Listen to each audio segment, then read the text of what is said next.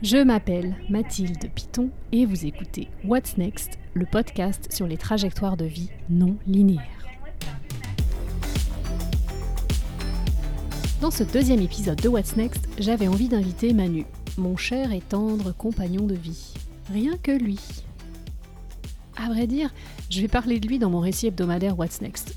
Et auparavant, je parlais souvent de lui sur le blog. Il faut bien que je lui donne la possibilité de s'exprimer sur le sujet il est plus que le figurant tout le temps là présent dans le fond. C'est le personnage de l'ombre indispensable qui fait 50 000 trucs pour m'aider. Photographe, technicien, conseiller. Cependant, je dois avouer un truc.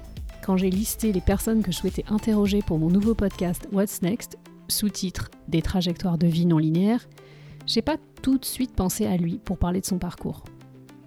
Manu peut avoir un petit côté agaçant avec son CV parfait, où toutes les lignes semblent découler l'une après l'autre de façon logique, évidente, comme s'il avait un plan de carrière exécuté à la perfection.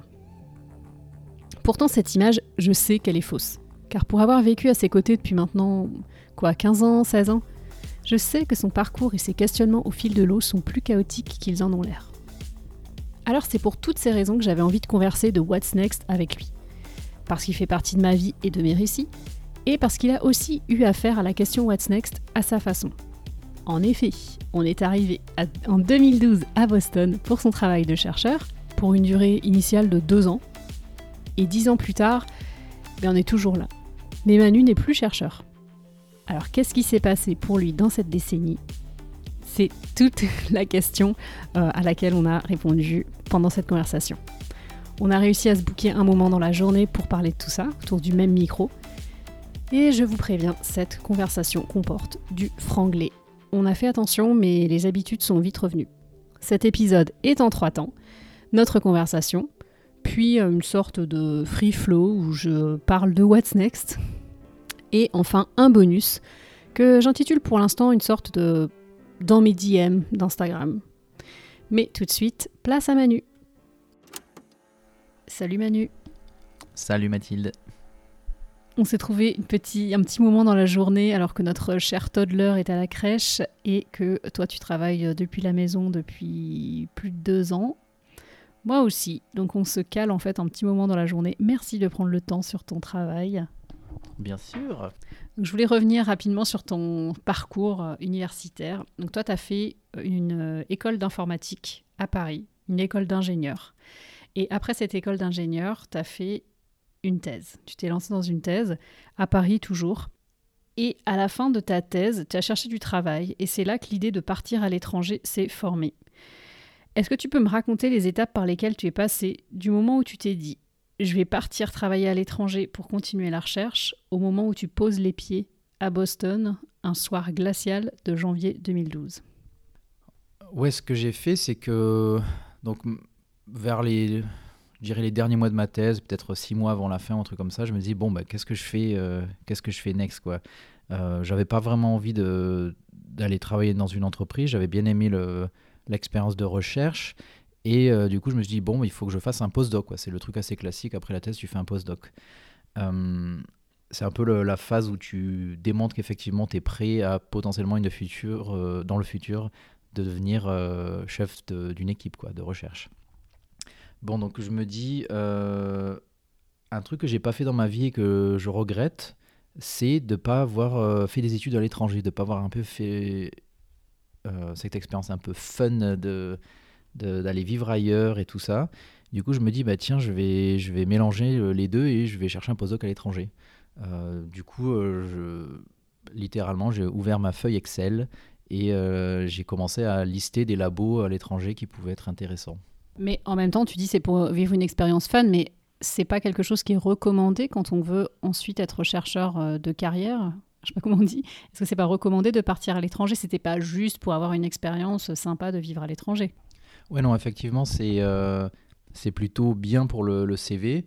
Euh, en même temps, je dois dire que j'étais comme ça dans le passé, je suis toujours comme ça. Ma carrière n'est pas non plus une sorte de obsession. Il y a toujours un compromis avec qu'est-ce qui va être sympa de faire. Et, euh, mais oui, évidemment, je me disais, si je vais dans un pays euh, bien vu pour la recherche. Donc, je sais pas, au début, je pensais l'Angleterre, je pensais un pays d'Europe au début. puis après, c'est devenu, ça s'est élargi aux États-Unis. Je me disais, bon, si je vais aux États-Unis, non seulement ça peut être fun, mais en plus, ça sera bien vu sur mon dossier de, quand je reviens en France pour pour appliquer à des boulots de maître de conférence ou ce, genre de choses. Pour candidater, si je puis me permettre ton, ton anglicisme. Donc tu fais une liste sur Excel, tu fais une feuille Excel de tous les potentiels employeurs et ensuite tu les contactes. Enfin, ça se passe comme ça en fait pour chercher un boulot. Bah, je pense qu'il y a différentes stratégies. Moi, c'est vrai que j'ai fait du, comment on dit, cold email. J'ai envoyé un, email à froid euh, comme ça pour dire Salut, je m'appelle Manu, je cherche un postdoc. Euh, est-ce que tu veux bien m'employer? Et euh, bah, tu t'expliques un peu ta recherche. Et, mais souvent, c'est des gens qui font des choses extrêmement précises, proches de toi. Et du coup, rapidement, ils disent Ah oui, ça nous intéresse parce qu'on travaille sur des sujets similaires. Donc, en fait, le problème, c'est pas de titiller l'intérêt des gens. Le problème, c'est l'argent. Parce que tous ces organismes, en fait, ils marchent à partir de bourses. Et euh, du coup, euh, soit toi, tu viens avec ta propre, euh, ton, propre funding, ton propre argent, soit eux, ils en ont parce qu'ils ont comme un gros projet qui vient d'être lancé, européen ou international, et du coup, ils peuvent te prendre avec ça. Et du coup, moi, ça a été ça avec lequel j'ai galéré parce que j'avais pas de, j'avais pas mon propre financement. Et du coup, plein de labos étaient genre ah ouais super, bah ouais ça serait cool que tu viennes bosser chez nous. Est-ce que. Mais bon, on n'a pas de, on n'a pas de thunes, de thunes maintenant, donc euh, voilà. Et du coup, ce que j'ai fait, c'est qu'ensuite, je continue un peu de chercher aussi sur euh, juste des, mailing lists et des choses comme ça, où, il y a pour le coup des labos qui offrent des postdocs parce qu'ils ont de l'argent et ils cherchent quelqu'un pour résoudre le problème. Et c'est comme ça que j'ai trouvé cette offre sur, euh, Boston, de, le labo de Mark Kramer, qui cherchait quelqu'un pour faire de l'analyse de données pour étudier l'épilepsie. Et je me suis dit, banco Et donc, tu es parti, je me souviens, tu es parti tout seul. Tu as fait d'abord une interview pendant l'été, euh, avec le décalage horaire. Je me souviens, tu étais dans une petite chambre, euh, dans une maison de vacances. Et puis après, tu es allé tout seul à Boston voir si c'était bien. Ouais, j'étais, j'étais allé là-bas pour faire à la fois l'interview, puis aussi faire euh, un peu le reportage touristique pour toi, pour essayer de dire T'as vu, c'est l'air cool Boston, il faut qu'on aille là-bas. Et il fallait que du coup je convainque à la fois mon employeur et ma partenaire de venir, de venir à Boston. Mais ça a marché. long story short, je crois qu'en fait, on va essayer d'arrêter de ne pas faire d'anglicisme et de barbarisme. Donc voilà, long story short, je raccourcis l'histoire. Tu deviens chercheur en neurosciences à Boston et tu fais deux postdocs qui durent en tout sept ans. Sept ans de postdoc, c'est long, on peut dire, je sais pas. C'est assez long, mais c'est en même temps assez fréquent pour euh, les gens qui veulent continuer dans la recherche.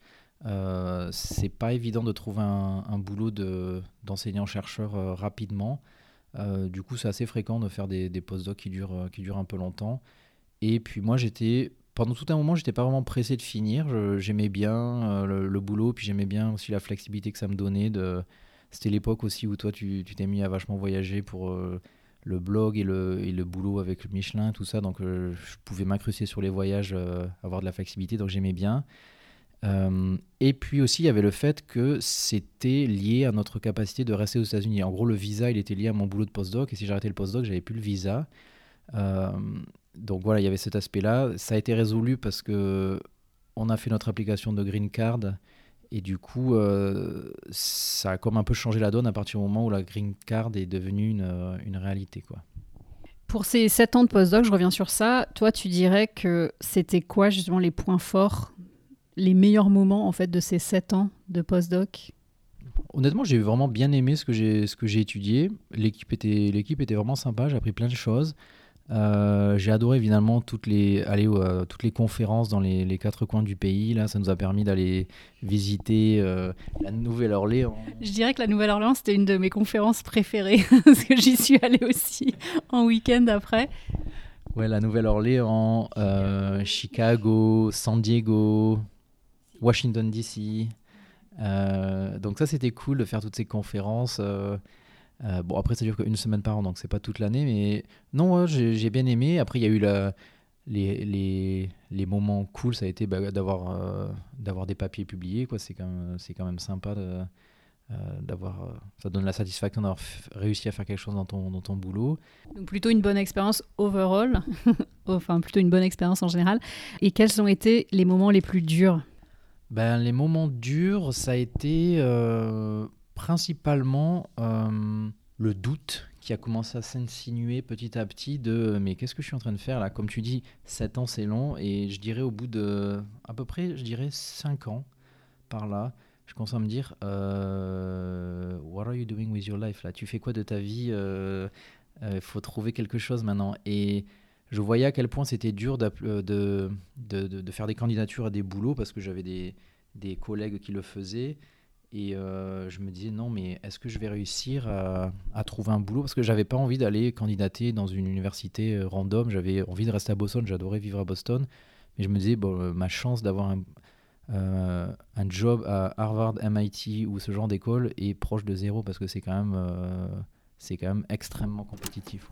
Je me permets de faire une petite parenthèse dans le récit de Manu pour apporter un tout petit peu de clarté quand il parle d'un job de chercheur, dans ce cas, il parle de l'après-postdoc, autrement dit, aux États-Unis, d'avoir un poste de tenure ou de tenure track, et en France, d'avoir un poste, par exemple, de maître de conférence. En gros, c'est d'être chercheur en CDI, par opposition au fait d'être postdoc en contrat à durée déterminée. Passer de ce statut de postdoc au statut de chercheur, de tenure, de maître de conférence, c'est ça qui est très compliqué et euh, ce qu'évoque Manu à ce moment-là. Est-ce que c'est juste de dire, je sais plus qui j'ai entendu dire ça une fois dans une soirée, que les gens qui veulent être voilà, profs ou chercheurs dans ces grosses universités à Boston, c'est des choses qu'ils préparent dès qu'ils ont 20 ans, quoi. Je sais pas, je pense qu'il y a plein de, il y a plein de facteurs qui font ça. Euh, il y a, il faut être, euh, c'est vrai qu'il faut être extrêmement motivé et n'avoir que presque que cet objectif-là et avoir confiance en soi que tu peux réussir à le faire et tout ça moi j'étais dans le doute, non seulement à cause de, ça, de ne pas savoir si j'allais réussir, et en plus, petit à petit, je me suis dit, mais en fait, euh, est-ce que tu as vraiment envie de faire ça quoi? C'est ça qui est plutôt commencé à saper tout, euh, l'édifice de ma, de ma carrière. Je me suis dit, non, mais en fait, il y, avait plein de jours, je me disais, non, mais je ne sais pas heureux au travail. Quoi. Pour simplifier, en gros, je me disais, je, je, je me sens pas très, je me sens pas très happy. Je, limite, j'étais un peu déprimé d'aller d'aller au boulot quoi tu vois et je regardais des vidéos YouTube de chats pour me remonter le moral quoi tu vois tu sais que ça va pas bien quand tu quand tu regardes des vidéos YouTube de chats au travail quoi et euh, c'est là que je me suis dit non mais j'ai besoin d'un truc euh, différent mais bon bref pour euh, finir sur ta question ouais ça c'était les les, les, les points négatifs qui sont commencés à apparaître après 5 ans je dirais quoi. ouais donc vraiment le doute et puis l'ennui non c'est pas vraiment l'ennui au travail parce que le, tu trouvais pas de sens parce que tu avais quand même des choses à faire Ouais, c'est pas l'ennui, c'est plutôt juste de te rendre compte que tu n'es pas satisfait. C'est juste que des fois, tu, peux faire le boulot qui est le plus intéressant du monde. Et je, trouve que parmi les boulots super intéressants, la recherche, c'est quand même. On te donne l'opportunité d'étudier un truc complètement random, potentiellement utile pour la société ou pas. Mais tu peux étudier un truc euh, super sympa et tout ça. Mais ça n'empêche que euh, ça va pas forcément te rendre heureux. Et moi, ça a été comme une espèce de révélation parce que je m'étais vraiment dit, moi, moi, je vais faire de la recherche, c'est trop cool. Euh, et je pense toujours que la recherche, c'est trop cool et ce que font les chercheurs, c'est super. Mais moi, je me suis dit, non, mais en fait, c'est peut-être pas compatible avec ma personnalité. Là, on aurait pu rentrer en France à ce moment-là. On est resté. En fait, tu as candidaté à la carte verte, tu as fait le dossier, le gros dossier pour euh, avoir la carte verte. Et c'est vrai qu'on était motivés à ce moment-là pour rester. Donc on est resté. Donc on a pris ce choix en fait, on avait comme la hargne de vouloir avoir la carte verte, même si c'était compliqué. Et toi, tu as renoncé à ta carrière de chercheur. Donc, c'est vrai que tu peux dire, mais tu as fait euh, de longues années d'études. C'est des études qui, sont, qui demandent euh, quand même de la persévérance, d'une certaine intelligence, j'imagine aussi. Et puis, tu fais une thèse, euh, tu renonces à ça. C'était compliqué, non, de renoncer. Et comment comment tu as fait pour chercher à faire autre chose? C'était quoi ton what's next? Ton moment what's next? Alors, il y a plusieurs comme questions dans ta question. En gros, euh, un peu la suite de ce que je disais dans la, question d'avant sur le, low point. À un moment, je me suis dit bon bah, il faut que je, il faut que je trouve autre chose à faire. Le low point, donc c'est le moment bas, c'est le moment où tu te sens mal.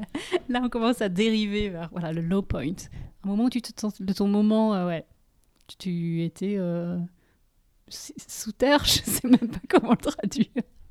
Ah, c'est une catastrophe le franglais ici, franchement. Ouais, donc euh, je me suis dit, il faut que je fasse autre chose. Et effectivement, ça a été un peu la motivation pour la carte verte, parce que je me suis dit, si on a la carte verte, je peux faire ce que je veux. En fait, j'étais comme, en quelque sorte, c'est un peu abusé de dire ça, mais j'étais un peu comme prisonnier dans mon travail. Quoi. Je, je, si j'ai décidé de quitter mon boulot, on, devait se, on devait rentrer en France. Et la France, c'est tout à fait bien. Hein. Ça aurait pas été un drame de rentrer en France, mais comme on était tous les deux comme contents de vivre là, je me suis dit, non, mais il faut une autre solution. Et donc effectivement, euh, on fait ce dossier de green card, ça marche, et là du coup c'est comme un tout nouveau monde qui s'ouvre devant moi. Littéralement, je peux faire tous les boulots des États-Unis, quoi. Bon, tu dis ça marche, euh, c'est un autre sujet, mais ça a quand même pris de nombreux mois. Ça t'a provoqué beaucoup de cheveux blancs et c'était stressant. C'est une période quand même stressante de faire la carte verte, mais en tout cas, euh, on finit par l'obtenir et c'est vrai que toi, ça te libère du poids de lier ton travail, que ton visa était lié à ton travail, tu peux faire ce que tu veux. Voilà, c'est ça. Et du coup, mais en même temps, euh, avec plus de liberté vient euh, plus de soucis. Et je me dis, ok, je peux faire tout ce que je veux, mais c'est quoi? Et du coup, j'ai commencé à réfléchir à qu'est-ce qui pouvait concrètement être une une reconversion. Je me suis pas dit je vais aller, euh, je vais devenir pâtissier, quoi, tu vois, même si c'était euh, un truc que j'aimais bien. Euh, je me suis dit, ok, qu'est-ce que je sais faire et qu'est-ce qui me permettrait de, de gagner ma vie aux États-Unis en faisant ça, quoi. Et c'est là que je me suis dit, bon, il y a ce truc que j'entends vachement parler en ce moment de data scientist, euh, sexiest euh, job euh, du 20e, du 20e siècle. Attends, là, ça va pas. T'as dit trop de mots et ils, se sont trop collés les uns aux autres, là. data scientist, sexiest, c'est trop. Donc, en fait, c'est data scientist, donc scientifique de données, on dit en français? Je crois qu'en français, on dit data scientist aussi. Oui, ça restera à confirmer. Et sexiest job alive. non, je crois que c'était un article dans euh, genre euh, The Economist ou un journal à la con comme ça qui disait que euh, ce boulot-là était genre super en demande maintenant quoi. Et du coup, je me dis ah bah cool, bah si c'est en demande, comment moi je fais pour devenir cette personne-là? Parce que tu vois, après être resté si longtemps dans l'académie, je m'étais quand même, j'avais comme cette impression que je savais pas faire grand chose d'autre que ma recherche très spécifique. Genre, je savais super bien faire ce que je faisais, mais ça ne servait à personne d'autre dans la société, quoi. Mais en fait, euh, il y a une classe de métier où justement ces, ces compétences euh, hyper techniques, elles sont euh, vachement valorisées. Je me suis renseigné, j'ai trouvé ce, ce bootcamp, donc cette ce... formation accélérée. je sais pas qui en gros nous aidait à transitionner d'avoir été dans l'académie vers euh, avoir donné un profil un peu plus, euh, un peu plus euh, professionnalisant. Je ne sais pas comment, comment on pourrait qualifier ça, mais en gros c'était à la fois faire un, un projet sur une courte durée, un projet à présenter à des entreprises partenaires et en même temps des espèces de petites cours de culture, culture entreprise, de genre comment, comment faire son boulot et tout ça. Donc c'était c'était très sympa, quoi. Ouais, c'est une formation qui a, duré six semaines. Je me souviens, tu avais adoré. Moi, au même moment, je ramène la couverture à moi, je m'étais, je m'étais fait une entorse à la cheville. Donc, moi, j'étais super mal. Et toi, tu passais six semaines géniales à bosser comme un fou sur ton projet et sur, euh, sur tous ces cours. Et on t'avait promis au début de cette formation qui n'était qui était gratuite, mais tu n'étais pas rémunéré. Donc c'est vrai que c'était aussi euh, un peu délicat parce qu'on avait aussi perdu l'assurance santé à ce moment-là. Donc c'était, il fallait que tu te dépêches de retrouver un travail. En attendant, on vivait euh, sur, euh, sur moi, sur mes propres revenus. Et à la fin des six semaines, tu as eu plusieurs offres. C'était un truc de fou. Ouais, non, franchement, c'était vraiment, c'était vraiment cool cette formation. Moi, ce que j'ai, ce que j'ai aimé, c'était le fait que ce soit intense, mais que ce soit, soit vachement social comme expérience. C'est-à-dire, on était plein de plein de candidats euh, et on bossait tous ensemble, même si on était en quelque sorte en compétition, c'était fait de telle sorte qu'on soit dans l'entraide et d'essayer de tous se booster les uns les autres pour faire le, mieux possible. Et j'ai trop aimé ça, ce qui m'a aussi fait me confirmer que en fait, euh, je me, je me, j'étais pas comme satisfait dans mon boulot d'avant parce que j'étais trop seul, j'étais pas assez dans le, le travail d'équipe et le et aussi le travail comme intense de courte durée, parce que dans la recherche, souvent, c'est des projets qui sont longs et tout ça, quoi. Et là, je me dis, ouais, là, je m'épanouis littéralement pendant ces, quatre semaines. Je, fais, je me prépare un super projet et euh, je, présente aux entreprises. Et voilà, ça marche. J'ai plusieurs offres et euh, avec différents types de compagnies. Différents types d'entreprises. Je me souviens, il y avait des, grosses entreprises, des, des mini startups avec trois personnes. Et toi, tu as choisi la taille intermédiaire. Donc, la... est-ce qu'on peut vraiment dire que c'est une startup? C'était une boîte de 600 personnes. Quoi. Ouais, c'était startup dans le sens où la boîte était encore jeune et pas avec, euh, je dirais, une offre euh, claire. En gros, c'était startup tant que tu n'as pas vraiment défini clairement ce que tu vendais et que tu vis au denier des investisseurs. Et du coup, j'ai rejoint cette boîte-là parce que c'était un bon compromis, je trouve, entre un truc trop petit où j'aurais pas eu justement ce, ce qui me manquait avant d'esprit d'équipe et tout ça, ou une boîte énorme où du coup tu es un peu perdu dans la masse et c'est dur de un peu connaître tout ce qui se passe de A à Z. Là, ça a donné un bon, euh, un bon compromis et franchement, je suis content de mon choix parce que ça a été une. C'est toujours, je, je bosse toujours dans cette même boîte là ça a été euh, une bonne décision. Et justement, ça fait trois ans que, tu es dans cette, euh, dans cette boîte, dans cette entreprise. Donc, tu n'as pas le même job tout à fait, parce que tu as déjà monté les échelons à l'américaine, euh, obtenu des promotions dans ton statut, etc. Est-ce qu'aujourd'hui, tu dirais que tu es en mode cruising. C'est moi maintenant qui fais du franglais. Est-ce que tu es en mode, euh, voilà, je, je, suis dans ce boulot, je vais y rester euh, pendant un moment, donc je suis tranquillou? Ou est-ce que tu es déjà en train de chercher ton prochain, euh, ton prochain move, ton what's next? En gros, je vois certains de mes collègues avec qui on a commencé ensemble à peu près sont, partis récemment. Et c'est vrai que ça m'a fait poser la question. C'est vrai que j'ai pas comme j'ai pas comme forcément cet esprit de carrière, quoi, de se dire, ok, il faut que j'optimise chacun de mes, de mes décisions pour euh, arriver le plus haut, le plus vite. Mais c'est vrai que quand je vois des gens de mon âge qui sont vachement plus avancés parce qu'ils ont fait une thèse aussi, mais ils n'ont pas perdu, euh, entre guillemets, perdu 7 ans en postdoc, ils ont fait euh, un petit postdoc de 2 ans, puis après ils ont bossé dans une première startup, une deuxième, puis maintenant ils sont déjà des directeurs au placé ou des trucs comme ça. Et je me dis, ah ouais, c'est vrai que tu peux être beaucoup plus efficace dans ta carrière. Euh, mais du coup, moi, ça me fait poser des questions. Je, me demande quel est le bon compromis entre euh, la carrière, mais aussi la qualité de vie. Quoi. Parce que c'est vrai que pendant mon postdoc, euh, qui a duré très longtemps, je n'ai pas trop avancé ma carrière, mais on a eu une super qualité de vie. Quoi. Donc c'est vrai que je me pose ces questions-là maintenant, surtout qu'on a notre petit bébé dans notre vie maintenant. Et c'est vrai que j'essaie de voir quel est un bon compromis et aussi euh, où c'est qu'on va où c'est qu'on va être plus tard quoi. Il y, a toujours cette question qui plane au-dessus de notre tête euh, est-ce qu'on va continuer de rester euh, à Boston ou pas Et ça comme influence l'idée de potentiellement changer de boulot. Ne pas être à Boston, c'est rentrer en France en fait.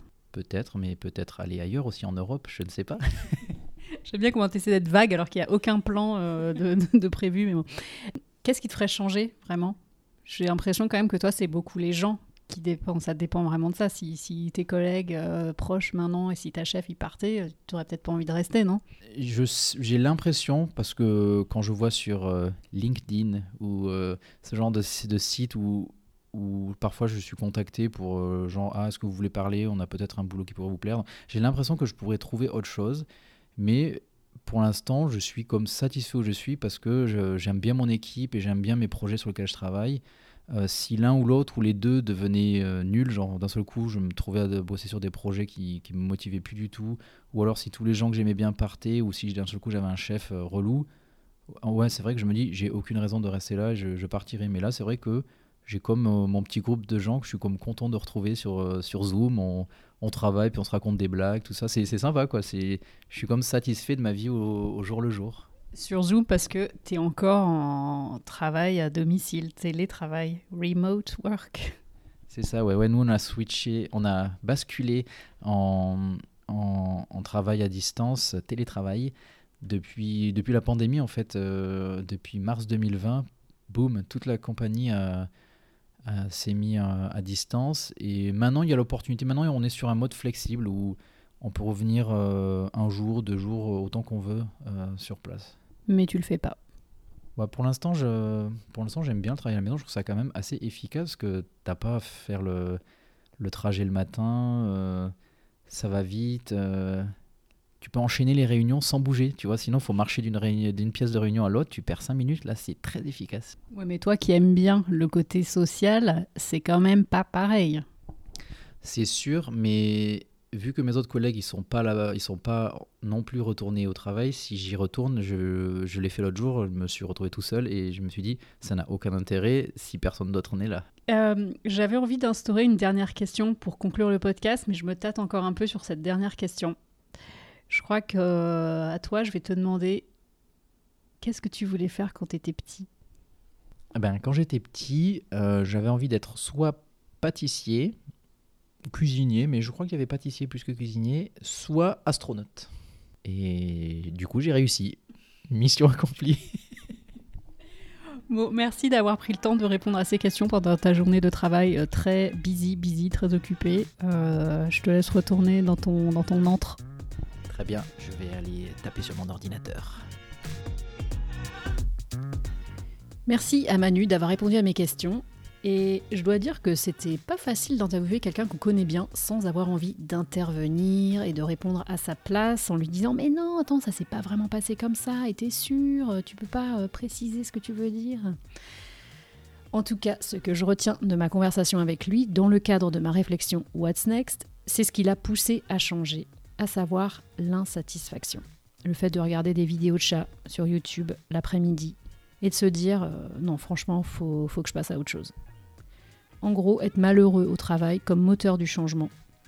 Dans son cas, occuper un poste solitaire en désaccord avec sa personnalité plutôt sociale. Puis je trouve aussi que ce qui est intéressant, c'est le côté de laisser tomber quelque chose pour lequel on a beaucoup travaillé. Faire une thèse, faire un postdoc, deux postdocs dans son cas, et passer à autre chose. Je trouve que la question, quand est-ce qu'on se donne le droit d'arrêter et d'envisager euh, un gros changement dans sa carrière, je trouve ça intéressant. C'est presque comme quand on attend euh, pendant 20 minutes le bus et on se dit euh, Attends, j'attends 5 minutes de plus ou il va arriver ou je prends le métro. Bon, c'est un peu plus, je pense, un peu plus compliqué euh, quand on a une thèse, mais, mais vous voyez l'idée, non, avec mon analogie? Personnellement, je me pose aussi parfois la question de savoir si le fait de travailler en freelance, ça correspond vraiment à ma personnalité. Je suis quand même quelqu'un d'assez solitaire, mais passer beaucoup de temps sans collègues, euh, sans personne avec qui euh, prendre un café, aller faire un lunch, euh, bah, des fois ça me manque. Alors j'essaye de réfléchir à des solutions à mettre en place pour éviter ce sentiment de solitude et cette envie, ce besoin d'émulation, de discussion, d'échange.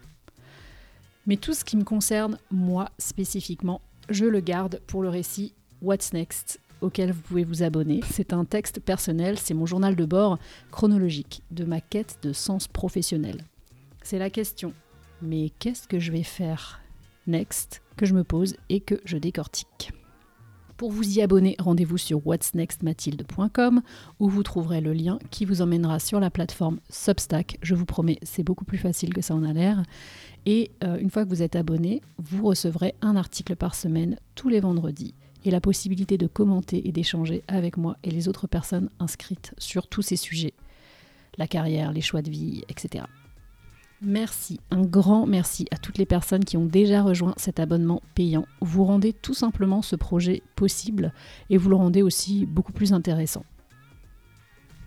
Dans mes DMs Instagram. Je pouvais pas faire mieux. J'ai pas, pas assez de budget. Dans l'épisode précédent, je vous avais posé une question tout à la fin. Qu'est-ce que tu voulais faire quand tu étais petite? En écho à ce dont je parle dans mes premiers articles du récit What's Next. Et voici vos réponses, à commencer par Hélène, qui vit à Mexico City. Hélène, qui est aussi connue sous le pseudo French in Mexico sur Instagram. Hello Mathilde, j'espère que ça va. Alors pour répondre à ta question, euh, moi le problème quand j'étais petite c'était que je voulais tout faire. Euh, donc chaque jour j'avais envie d'envie euh, différentes, donc bah, très difficile après de choisir ma voie. Je voulais être vétérinaire, je voulais être peintre, je voulais être chanteuse, artiste, prof, je voulais travailler dans la mode, je voulais être architecte. Donc des trucs assez différents. Euh, je voulais aussi être écrivaine. À part, euh, je vais dire que à part pour vétérinaire et docteur qui n'ont pas grand chose à voir, je pense que c'était plutôt des, euh, quand même un profil plutôt artistique, créatif. malgré tout, je pense que c'est le dénominateur commun. Mais comme je te dis, à part pour veto et docteur, où là, tu vois, bon, tu sais que j'ai été infirmière, je pense que j'avais quand même envie d'aider les autres. Donc voilà, très compliqué pour moi. J'avais pas, j'avais pas un rêve, j'en avais beaucoup et ça m'a posé beaucoup de difficultés par la suite. Voilà, voilà, voilà, prends bien soin de toi. Hello, je m'appelle Julie, j'ai 44 ans et j'habite à Nogent-sur-Marne, à côté de Paris. Alors quand j'avais 12 ans, je voulais être professeur d'anglais euh, parce que j'ai eu un réel coup de foudre pour cette langue dès mes premiers cours au collège. Et aujourd'hui, en fait, je ne suis pas du tout prof d'anglais, mais je suis euh, toujours très attachée à la culture euh, anglophone. Voilà, voilà, bye bye. Bonjour Mathilde, je m'appelle Laura, je vous appelle de la Guyane en Amérique du Sud. J'ai 40 ans et quand j'étais petite, je voulais faire médecin comme mon père. Merci beaucoup et au revoir.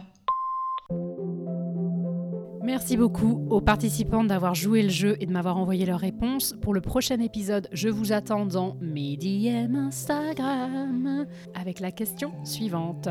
Vers qui vous êtes-vous tourné pour vous aider dans votre carrière quand vous avez eu des doutes au fil de votre vie professionnelle? Est-ce que vous avez fait un bilan de compétences? Est-ce que vous avez vu un coach? Est-ce que vous avez utilisé Internet? Quelles ressources sur Internet? Est-ce que vous avez demandé à vos amis, à votre mère, à un conseiller Pôle emploi, à une astrologue? Est-ce que vous avez suivi votre Bref, qui vous a aidé à savoir what's next? Vous avez 30 à 60, voire 90 secondes pour me répondre en message vocal sur Instagram à What's Next Mathilde. Vous vous en doutez, c'est un des sujets à venir dans mon récit What's Next, l'introduction d'un personnage central dans ma recherche de Mais qu'est-ce que je vais faire de ma life? Suspense, suspense. Je m'appelle Mathilde Piton et vous venez d'écouter le deuxième épisode de What's Next, les trajectoires de vie non linéaires. Merci à Manu, mon invité, et aux participants de la rubrique dans mes DM Instagram. Vous pouvez m'écrire à hello at whatsnextmathilde.com ou via Instagram whatsnextmathilde.